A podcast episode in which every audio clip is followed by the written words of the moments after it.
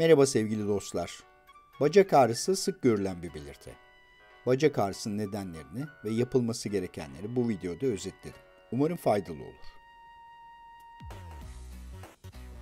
Bacak ağrısının önemli nedenlerinden bir tanesi damar sertliğine bağlı olarak gelişen atar damar tıkanıklığıdır. Darlık nedeniyle kaslara yeterli oksijen gitmez. Yürürken ağır olur ve sık sık durmak zorunda kalırsınız. Buna da vitrin hastalığı denir. Bacaklardan bir tanesinde kızarıklık, şişlik, renk değişikliği ve çap artışı bacak ağrısı yapabilir. Bu toplar damar tıkanıklığından köken alır. Buna derin ven trombozu denmektedir. Nöropati yani sinir hasarı bacaklarda özellikle sistemik hastalıklardan şeker hastalığına bağlı olarak ortaya çıkar. Bacaklarda ayakta toplu iğne batması, karıncalaşma, uyuşma eşlik eder.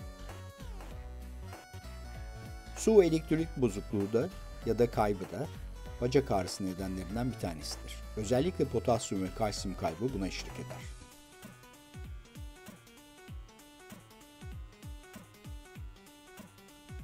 Kanal darlığı denince aklımıza spinal ya da omurilik kanal darlığı gelir.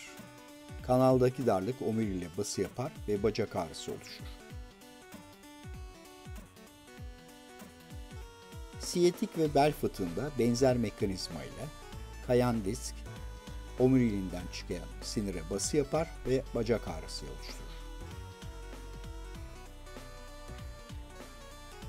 Artrit ise eklem iltihabıdır. Özellikle belli bir yaşın üzerinde kadınlarda sıklıkla kalçada görülür ve bacak ağrısı yapar.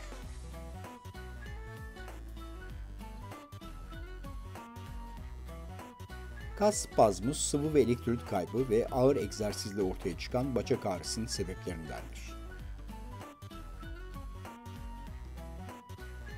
Stres kırığı ise uzun süre ayakta durma ve ağır egzersiz sonucunda sıklıkla kaval kemiğinde oluşan küçük kırıklardır ve bacak ağrısı yapar.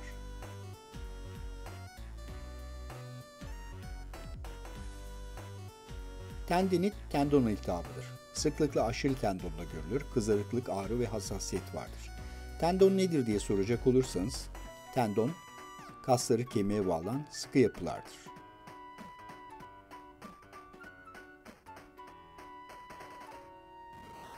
Varis önemli ve sık görülen bir bacak ağrısı nedenidir. Çaplarına bakılmaksızın küçük ya da büyük damarlar varise bağlı ağrı oluşturur. Peki hangi doktora gitmeliyiz? Bu listeye göre öncelikle kalp damar cerrahisi doktoruna görünüp bir Doppler ultrasonografi yapıp damarları kontrol etmek gerekir. Eğer damarlar sağlamsa fizik tedavi, ortopedi ve sonunda beyin sinir cerrahisine hasta yönlendirilir. İzlediğiniz için teşekkür ederim. Beğenip paylaşırsanız sevinirim. Sağlıcakla kalın. Abone olmayı lütfen unutmayın efendim. Hoşçakalın.